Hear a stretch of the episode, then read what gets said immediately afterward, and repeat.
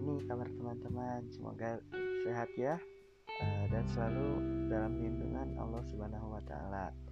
Perkenalkan, nama saya Raisa Giapando Perdana dengan NIM 26585. Kali ini saya akan menambahkan jawaban dari saudari Citra yang menjawab pertanyaan dari Nurul Purwita.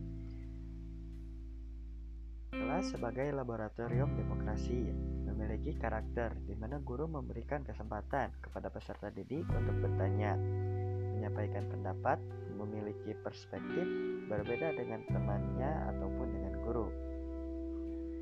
Dalam penerapannya, seperti ketika guru dan peserta didik yang sedang membuat kesepakatan belajar, yang di mana kesepakatan belajar tersebut menjadi acuan selama pembelajaran berlangsung. Dalam penentuan tersebut, guru memberikan kesempatan kepada peserta didiknya untuk berpendapat atau menyampaikan aspirasinya dalam membuat kesepakatan tersebut.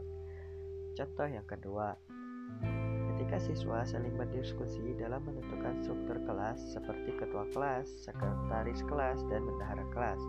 Sebelum menjalankan voting, semua siswa diberi kesempatan terlebih dahulu untuk berpendapat dalam penentuan tersebut.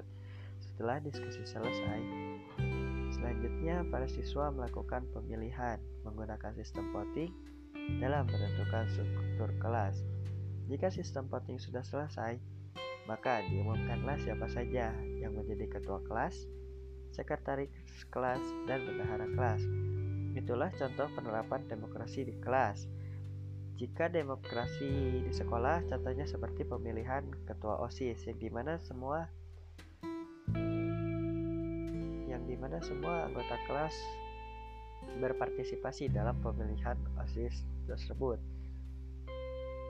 Dalam penerapan laboratorium demokrasi akan mendorong setiap peserta didik untuk berpikir kritis, menelaah, menganalisis, sampai menemukan sendiri jawaban atau kesimpulan dari berbagai permasalahan yang disampaikan oleh guru atau masalah yang diidentifikasinya sendiri.